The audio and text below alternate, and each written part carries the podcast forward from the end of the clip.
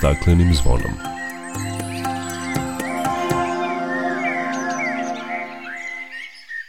Dobar dan i dobrodošli na Zeleni talas prvog programa radija Radio Televizije Vojvodine. Ja sam Dragana Ratković.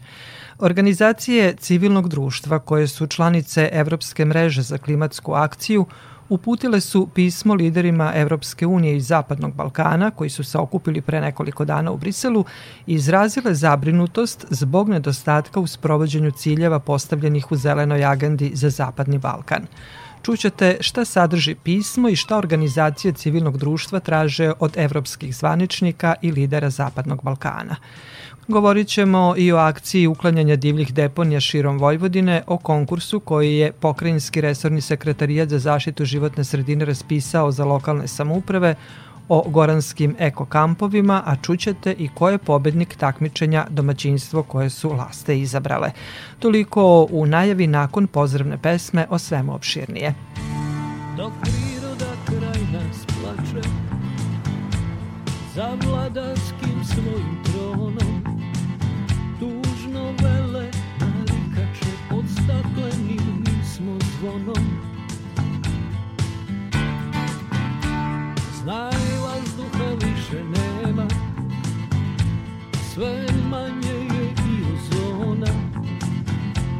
Protiv sebe ide čovek i to često bez pardona. Uništenju živog sveta Kao da su ljudi skloni. Čovek sam je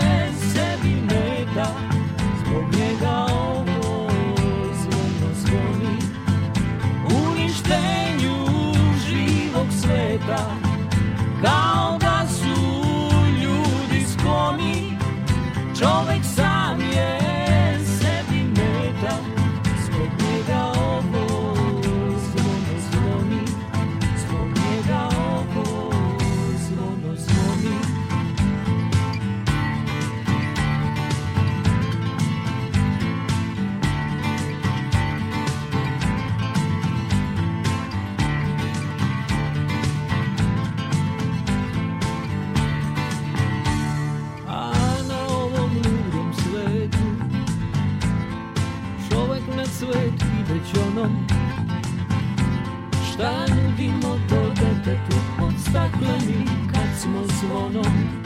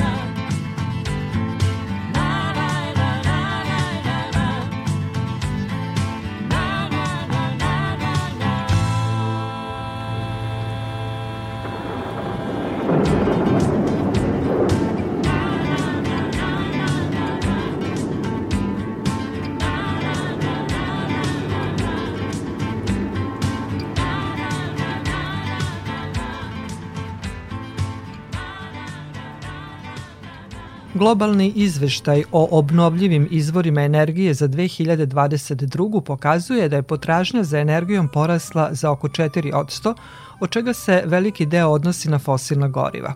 Koordinator za klimatske promene u programu Ujedinjenih nacija za životnu sredinu Niklas Hagelberg smatra da su podrška vlade, nacionalne strategije i zakonodavstvo ključni za tranziciju koja je neophodna zato što je energija povezana sa oko 70% globalnih emisija. Prema njegovim rečima, tranzicija se ne odvija kako bi trebalo upravo zato što vlade subvencionišu fosilna goriva, čime se istovremeno smanjuje podrška za obnovljive izvore energije. Solarna energija i energija vetra čine oko 90% svih novih obnovljivih izvora energije. Prvi put ovi izvori daju više od 10% svetske električne energije. Iako ovo zvuči ohrabrujuće, kako bismo uspeli da održimo put ka dostignuću neto nulte emisije do 2050. godine, potrebno je da se trostruko poveća intenzitet energetske tranzicije. Šta više, do 2030. godine je potrebno da se globalne emisije prepolove za sve što industrije koje koriste energiju za osvetljenje, proizvodnju, transport kao i za grejanje i hlađenje moraju da pređu na energiju koja se dobija iz obnovljivih izvora. Pozitivan primer energetske tranzicije je Južna Australija koja je u 2021. godini 63% svoje električne energije proizvela iz energije vetra i solarne energije, čime je daleko ispred cilja da do 2030. godine ostvari 100% neto obnovljivih izvora energije.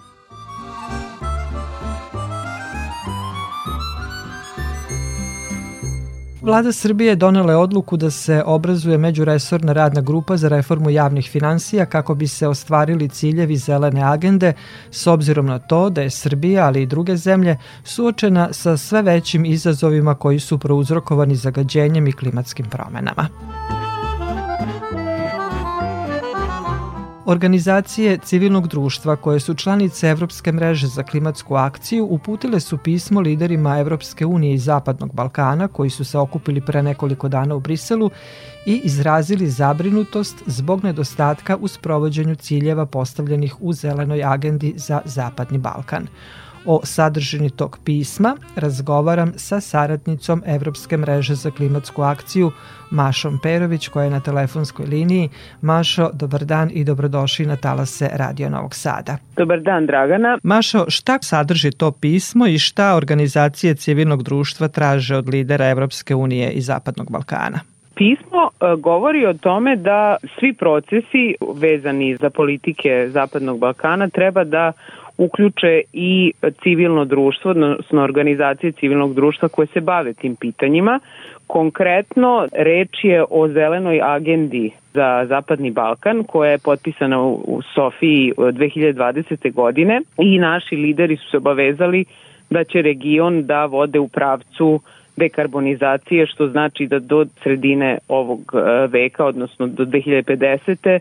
mi imamo klimatsku neutralnost, odnosno praktično to znači da polako, e, postepeno pređemo sa uglja i sa upotrebe fosilnih goriva uopšte i krenemo sa upotrebom obnovljivih čistih izvora energije uz energetsku efikasnost e, i druge mere koje uz to idu, pravedna tranzicija i tako dalje. A šta konkretno organizacija civilnog društva traže od lidera?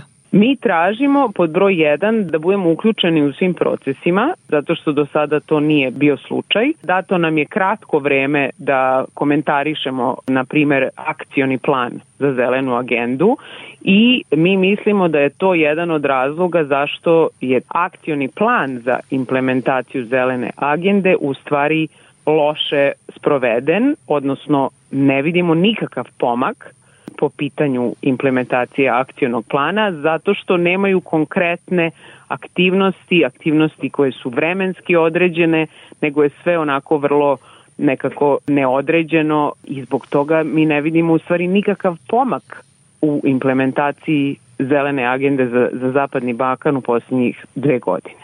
Prošle godine na samitu Brdo u Sloveniji odobreno je 9 milijardi evra za implementaciju zelene agende za region. Kažete, nikakvih aktivnosti nema. Tako je. Države Zapadnog Balkana su predložile neke projekte, uglavnom velike infrastrukturalne projekte, koje crpe novac iz tog fonda, ali ti projekti opet predlažu, na primer, povećanje e, nekih polja za iskopavanje uglja, izgradnju infrastruktura za gas.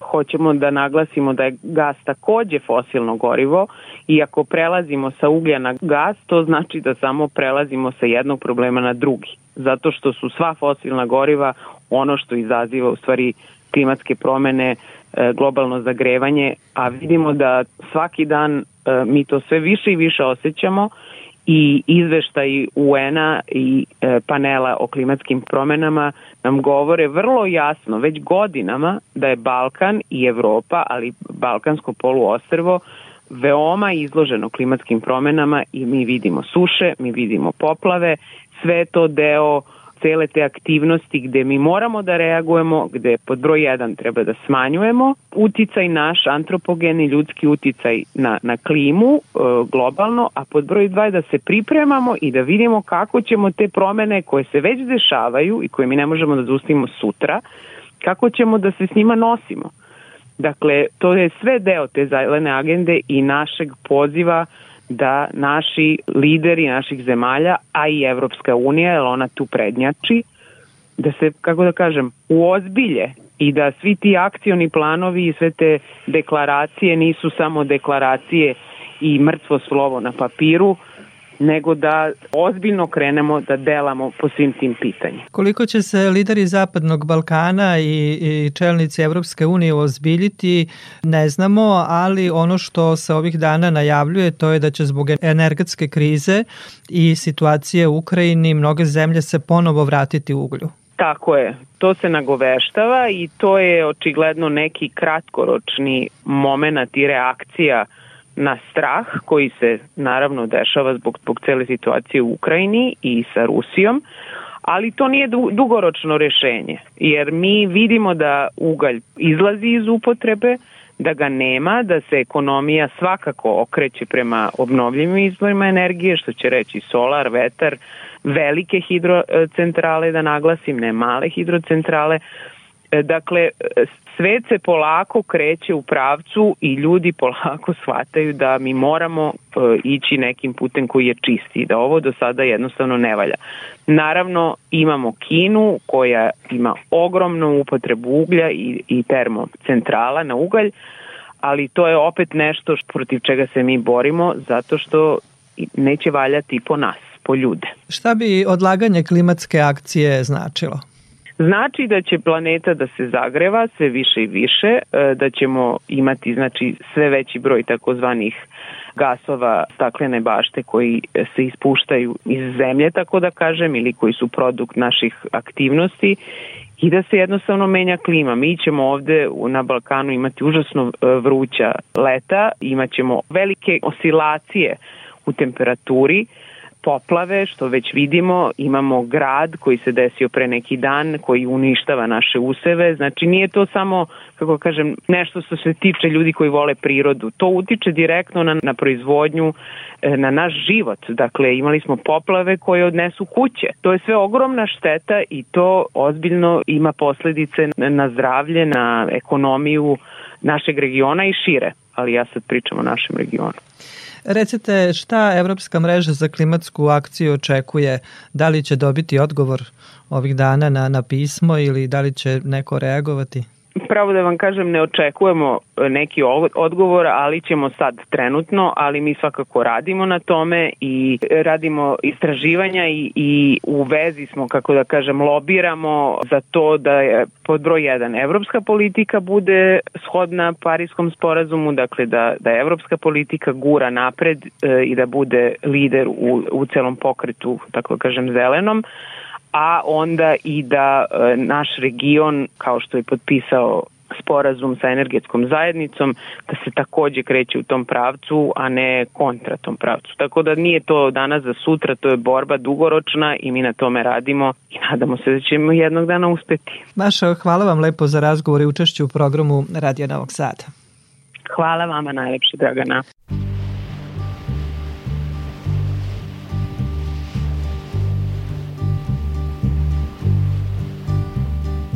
Sitting in the morning sun.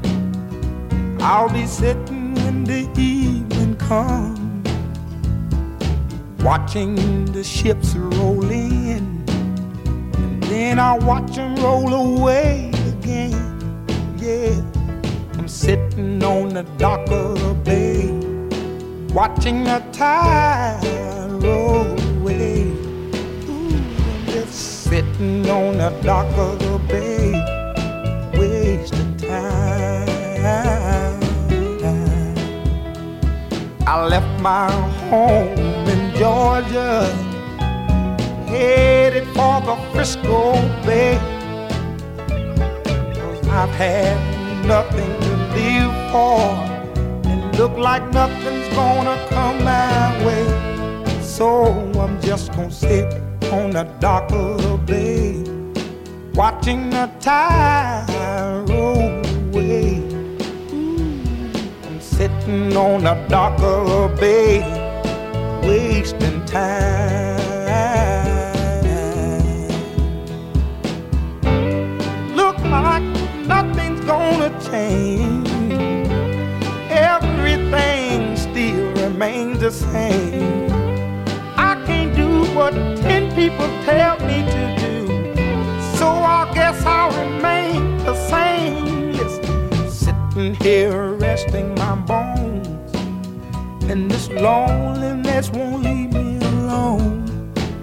Listen, 2,000 miles I roam just to make this dock my home. Now I'm just gonna sit at the dock of a bay, watching the tide roll away.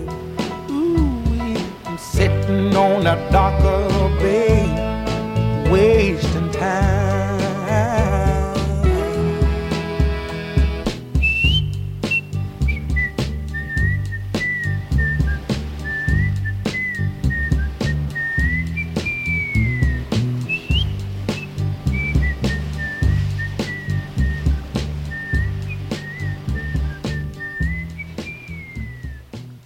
Slušate emisiju pod staklenim zvonom.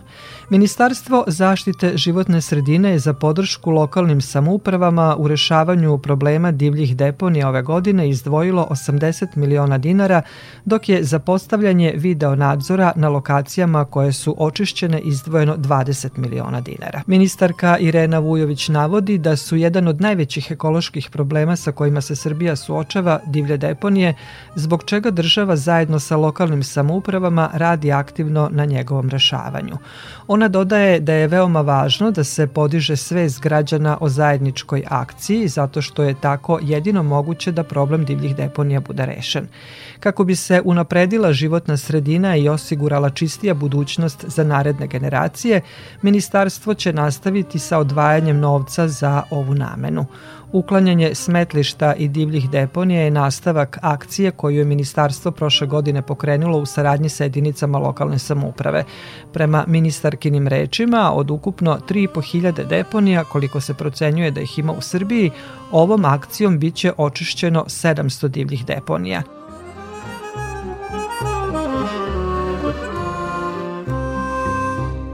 Na teritoriji grada Subotice u proteklih deceniju i po uklonjeno je skoro 40 divljih deponija.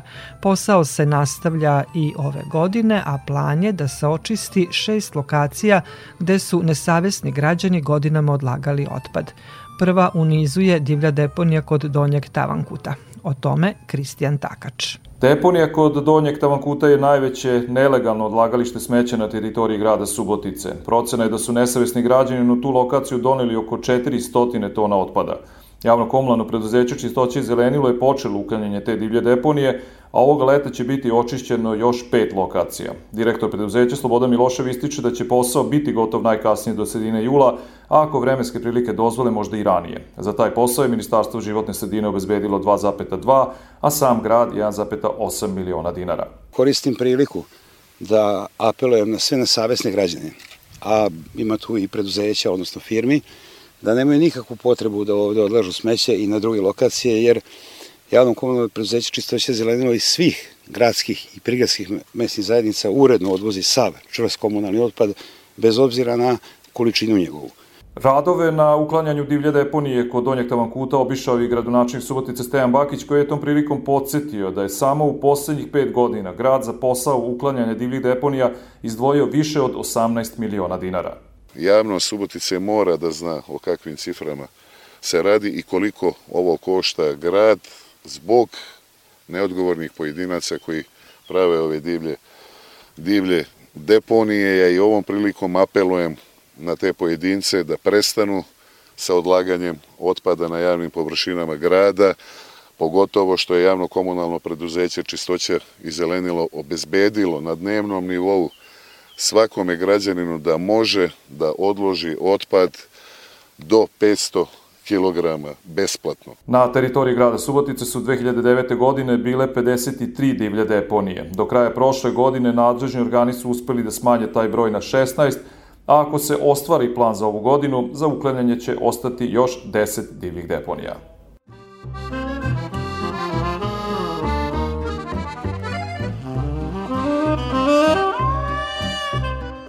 Skupština grada Zrenjanina usvojila je odluku o projektu javno-privatnog partnerstva koji se tiče finansiranja i izvođenja radova na potpunoj sanaciji gradske deponije koja podrazumeva zatvaranje postojeće gradske deponije i izgradnju sanitarne kasete.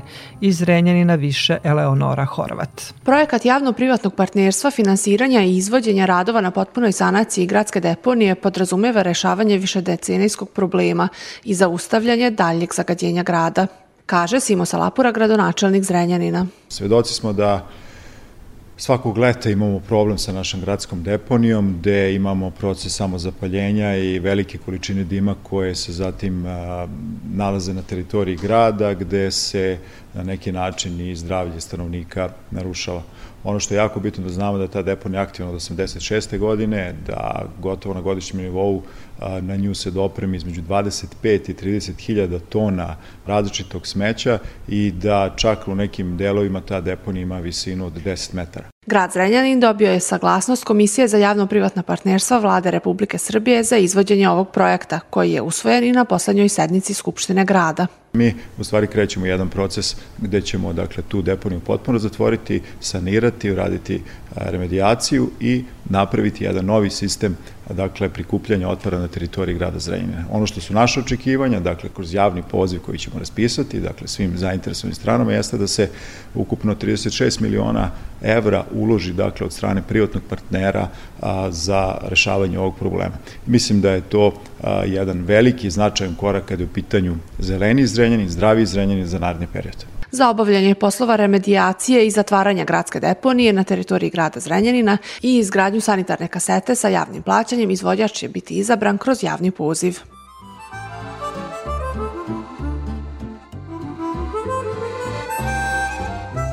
I na području Novog Sada i okolnih mesta počelo je uklanjanje divljih deponija. O tome je Aleksandra Aleksandrović razgovarala sa Danielom Jankov iz javno-komunalnog preduzeća Čistoća. Divlje deponije predstavljaju jedan od najvećih ekoloških problema u Srbiji, a rešavanju problema osim Subotice, Čačka, Vršca, Žitište i Soko Banje pridružuje se i Novi Sad, odnosno Futog u kom se od 15. juna aktivno radi na očišćenju divljih deponija. Naša mehanizacija e, konstantno u dve smene u toku dana uklanja deponiju koja se ovde nalazi i do sada smo uklonili oko 200 metara kubnih otpada. Plan nam je da uklanjanje kompletne deponije, tačnije više deponija na više lokaliteta u okolini Arome, završimo do sredine jula meseca. Rezultat akcije pokrenute prošle godine biće 700 očišćenih divljih deponija od ukupno 3.500. Iako se konstantno radi na uklanjanju velikih divljih deponija u toku godine, veliki problem predstavljaju i male deponije, ističu nadležni. Tu su i male deponije koje uklanjamo svakog dana i to u sve tri smene, a koje predstavljaju dodatno veliki problem za naš grad, jer svaki odložen šporet, tepih ili bilo kakav krupan otpad pored kontejnera za nas predstavlja zapravo malu deponiju, naročito ukoliko je odložen na javnoj površini, drugoj javnoj površini koja čak neretko remeti i kretanje saobraćaja. Javno komunalno preduzeće Čistoća apeluje na građane da krupni kabasti otpad odlažu na gradsku deponiju ili u iznajmljen kontejner u cilju sprečavanja nastanka divljih deponija.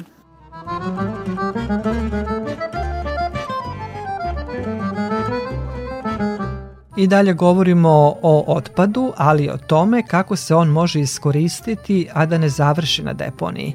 Javno komunalno preduzeće Gradsko zelenilo jedno je od prvih preduzeća u Novom Sadu koje je u potpunosti rešilo upravljanje otpadom. O rezultatima koji su već sada primetni, Ivan Ožinić. Podsjetimo da su izgradnju postrojenja za kompostiranje finansirali grad Novi Sad sa 40 miliona dinara i nemačka agencija GIZ sa 400.000 evra. Tokom marta i aprila ove godine za proizvodnju komposta iskorišćeno je 308 tona pokošene trave i 177 tona suvog lišća. Sav otpad prikupljen je sa oko 500 hektara zelenih površina koje su u nadležnosti gradskog zelenila. Sem trave i lišća prikupljaju se i orezane grane od kojih se pravi sečka koja se upotrebljava za grejanje rasadnika i upravne zgrade, na čemu se takođe ostvaraju velike uštede u energiji i novcu. O benefitima koji se ostvaraju korišćenjem otpada za proizvodnju komposta govori i pomoćnica direktora Gradskog zelenila za komercijalne poslove i turizam Jelena Prica.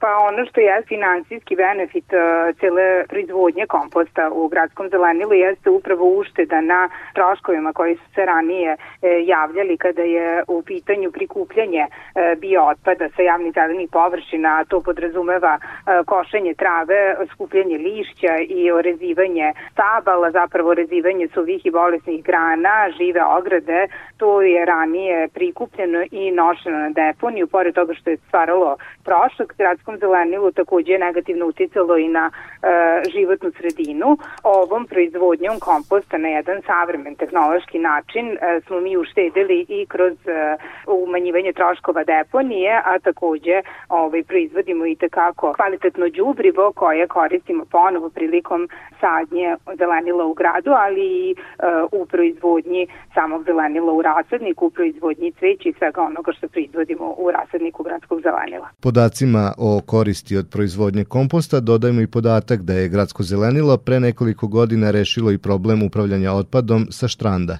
Naime, svo smeće koje se prikupi na najlepšoj plaži na Dunavu prodaje se firmama koje se bave reciklažom i u tom slučaju preduzeće ostvaruje uštede jer se smeće više ne skladišti na gradskoj deponiji, ali ostvaruje prihode od otkupa razvrstanog otpada sa plaže.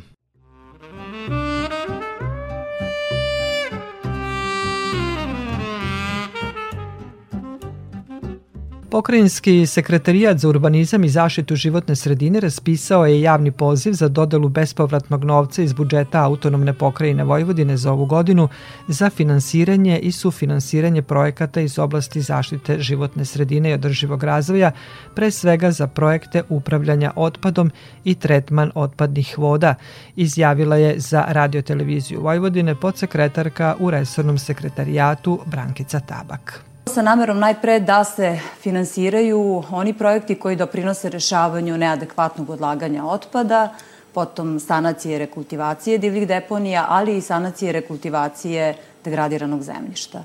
A i drugi je e, sa tematikom naravno zaštite životne sredine, odnosi se na finansiranje i sufinansiranje projektno-tehničke dokumentacije i to u cilju izgradnje sistema za tretman komunalnih voda, prečistače komunalnih voda, ali isto tako i za njihovu prateću infrastrukturu, kao i za projekte kanalizacijonih mreža i prateće opreme.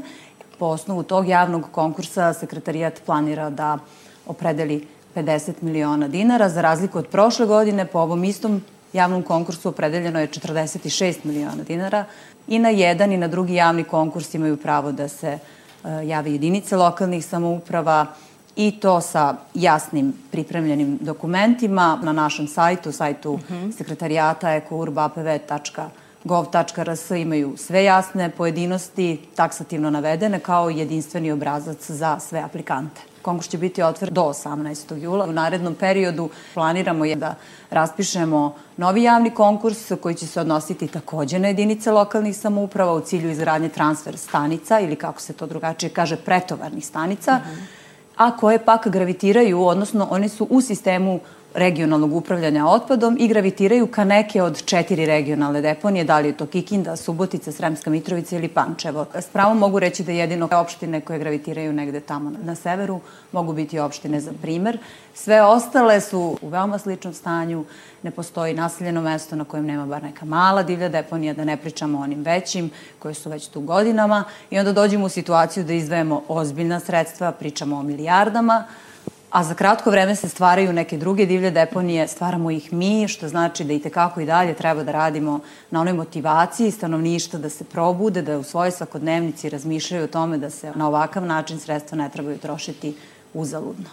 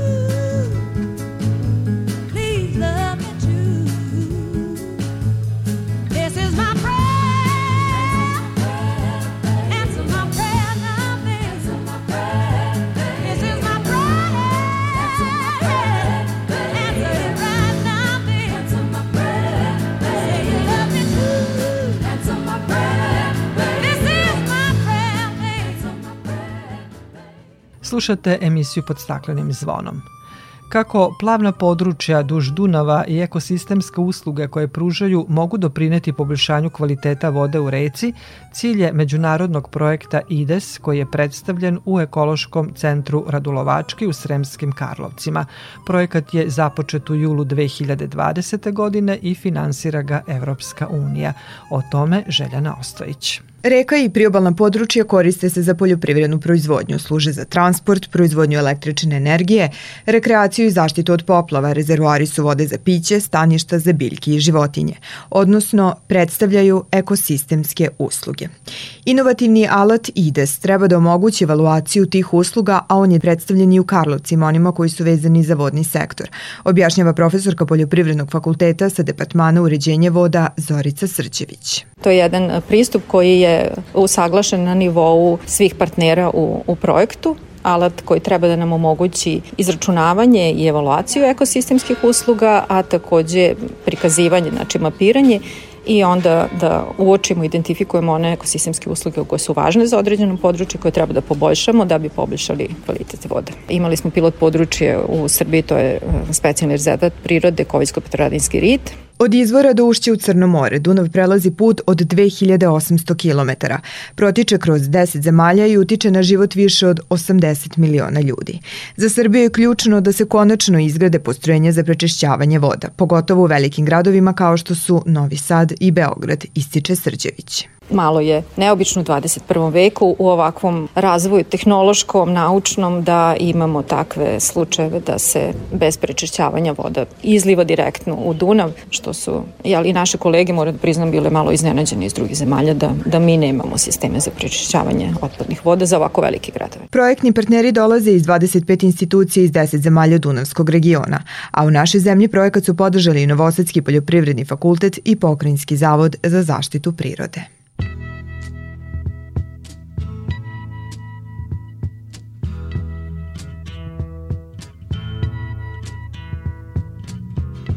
Something happening here. But what it is ain't exactly clear. There's a man with a gun over there, telling me I got to beware. I think it's time we stop children, what's that sound? Everybody look what's going down.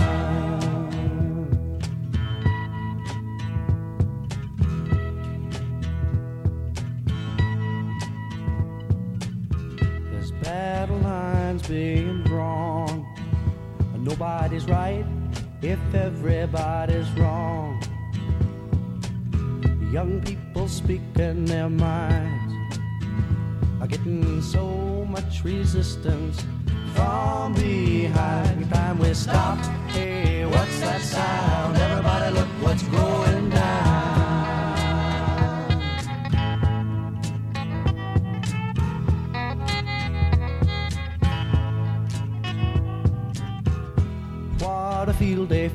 the heat.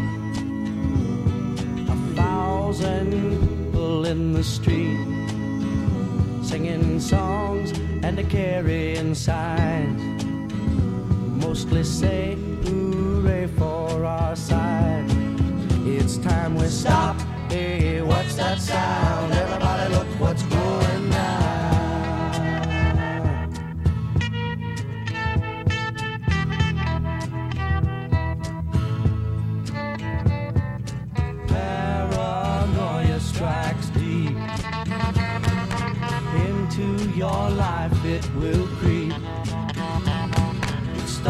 When you're always afraid. Step out of line, the man come and take you away. We better stop. Hey, what's that sound? Everybody look what's going down. Stop.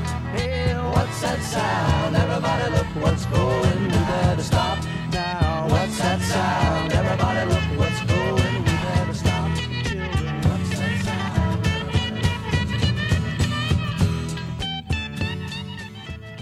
Stiglo je leto, školska godina je završena, sledi raspust i mnogo slobodnog vremena koje treba iskoristiti na najbolji način. Jedan od naših predloga su goranski eko kampovi, gde deca mogu dobro da se zabave, a istovremeno i mnogo nauče o prirodi. Prvi kamp počinje za nekoliko dana početkom jula. O letnjim eko kampovima razgovaram sa Sonjom Konjović iz Pokreta Gorana. Sonja, dobrodošli na talase Radio Novog Sada.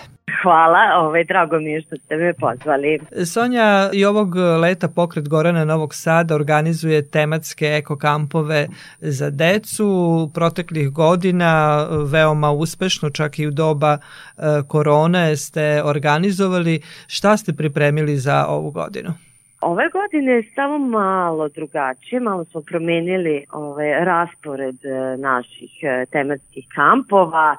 Jedino što jeste ostao da nam ovu, da kažemo, našu goransku avanturu započinjemo sa kampom za naše najmlađe od 6 do 8 godina i on se zove uh, Drugoljub i bit će sada od 2. do 5. jula, tako da sa tim kampom otvaramo sezonu uh, goranskih eko kampova i u julu nam slede odma uh, još dva kampa, oni su za uzrast dece od uh, 9 do 12 godina to je naš kamp Cvetoljub od 5. do 8. jula i Buboljub koji će se održati od 8. do 11. jula.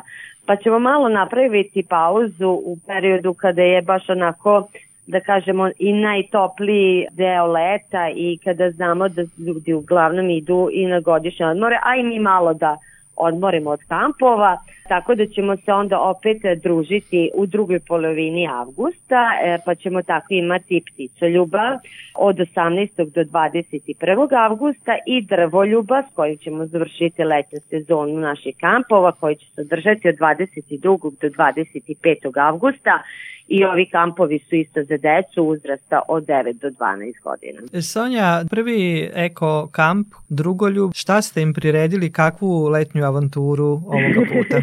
pa ne bi sad baš sve da otkrivam, pošto stvarno treba ovaj, da bude deo i e, iznenađenja.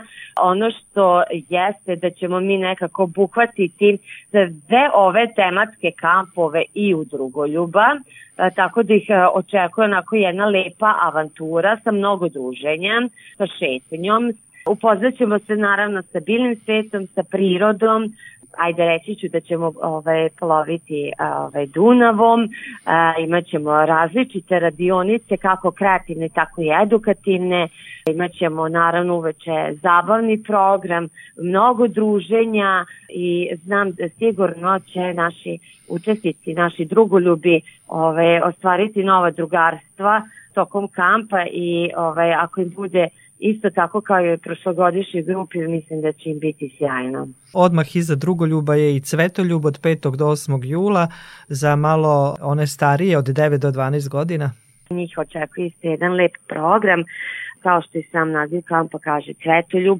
Tu ćemo se upoznavati najviše sa biljnim svetom, sa lekovitim biljkama, sa pa čak i ovim invazivnim vrstama, kod je prosto da znamo da ih prepoznamo, sa zaštićenim vrstama biljaka i radionice i cela ta šetnja će biti povezana sa samom temom kampa, ali to ne znači da se mi nećemo svrnuti da li na insekte, da li na ptice, da li na drveće, sve to što nas okružuje, naravno da je dobro videti, prosto skrenuti pažnju ovaj, svakom učesniku i učesnici kampa šta je to sve što može e, da vidi oko sebe kada ode u prirodu.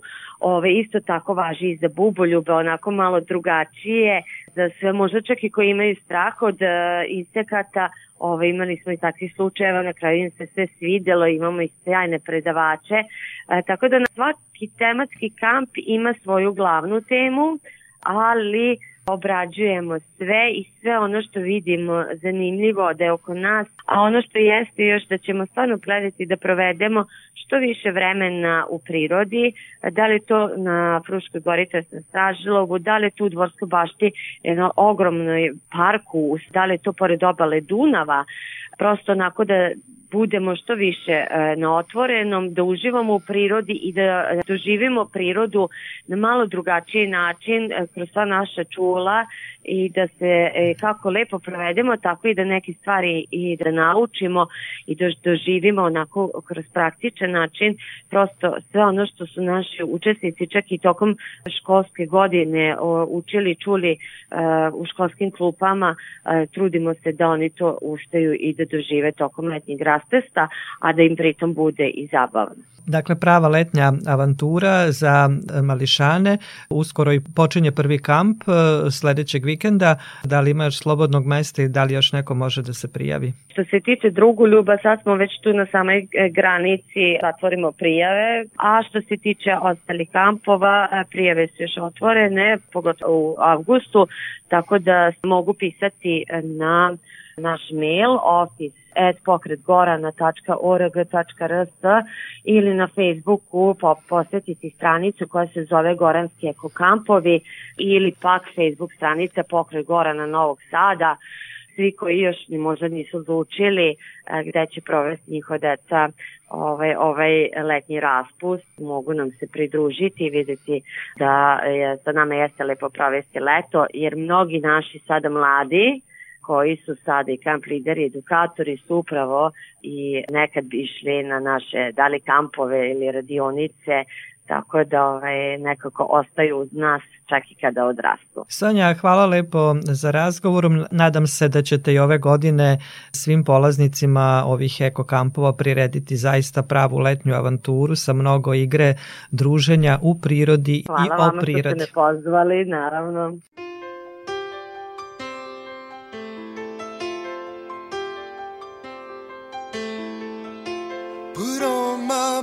Suede shoes and I boarded the plane.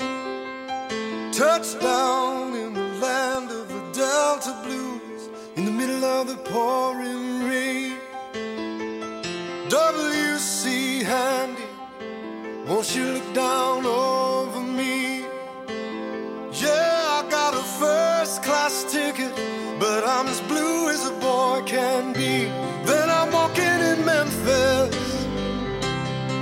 walking with my feet ten feet off a beam. Walking in Memphis. But do I really feel the way I feel? Saw the ghost of Elvis on Union Avenue. Followed him up to the gates of Graceland. And I watched him walk right through. Now, security, they did not see him. They just hovered around his tomb. But there's a pretty little thing waiting for the king down in the jungle room. When I was walking in Memphis, I was walking with my feet ten feet off a beam. Walking in Memphis.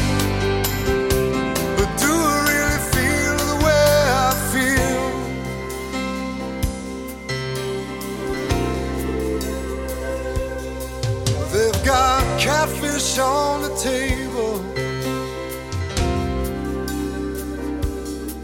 They've got gospel in the air. And Reverend Green, be glad to see you when you haven't got a prayer. But boy, you got a prayer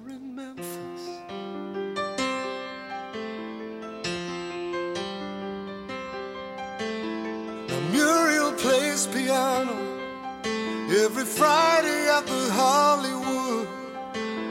And they brought me down to see her, and they asked me if I would do a little number. And I sang with all my might. She said, Tell me, are you a Christian child? And I said, Ma'am, I am tonight.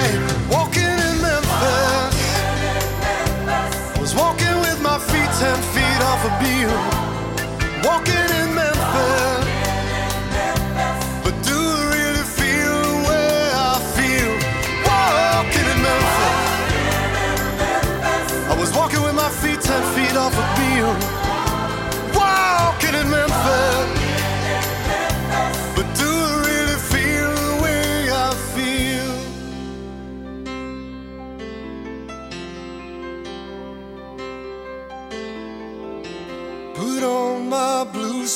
Shoes and I boarded the plane.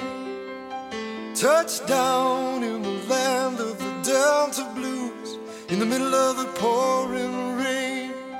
Touched down in the land of the Delta Blues in the middle of the pouring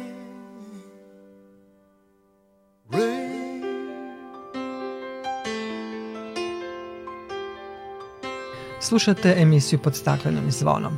Ove godine najveći broj lasta napravilo je svoja gnezda na farmi domaćinstva porodice Terkelj iz Sajana i oni su ovogodišnji pobednici neobičnog takmičenja Društva za zaštitu i proučavanje ptica Srbije, koji su dobili vrednu nagradu za to 1000 kg kukuruza. O ovogodišnjim pobednicima više u prilogu Tatjane Popović. Takmičenje poetskog naslova Domaćinstvo koje su laste izabrale lep je način da se skrene pažnja javnosti na divne i korisne ptice kojih je, nažalost, sve manje. Ipak, da se laste vraćaju, uverili smo se na imanju porodice Terkelj i Sajana. Baš kao što su nekada straje i drvene grede u dvorištima banatskih kuća bile načičkane gnezdama lasta, tako je i danas na farmi u vlasništvu porodice Terkelj. Pošto su ih laste izabrale, to je značilo pobedu, potvrđuje nam naš domaćin Adrian Terkelj. Osvojili smo ovu godinu e, nagradu. Sad imamo sad najviša gnezda, 71 komada i primećujemo da svake godine uvek više i više komada ima. Nastavljajući porodičnu tradiciju, Adrian Terkelj vlasnik je stočarske farme, a glavna okosnica posla je tov junadi. A upravo farma idealno je mesto za laste, pa su se tu i odomaćile. Uživaju laste, ali i domaćini, jer su korisni stanari doneli i lepu nagradu. Imam samo korist od njih. Evo sad sam dobio i tonu kukuruz i tu oko stoke puno imam uva, to sve oni pokupu. Kada je doneo odluku da ostane u Sajanu i nastavi rad na porodičnom poljoprivrednom gazdinstvu, Adrian više nije imao dilemu. Nije uvek lako, kaže, ali nema odustajanja. Imaju tu dosta obaveza, nekad imaju teške trenutke, ali pa guramo, samo napred. Gnezda od slama i blata laste strpljivo grade. Poznavaoci tih ptica pevačica kažu da se parovi lasta često vraćaju pod isti krov, ako su u starom gnezdu uspešno odhranili potomke. Po svemu sudeći, domaćinstvo porodice Terkelj laste su izabrale za svoj dom.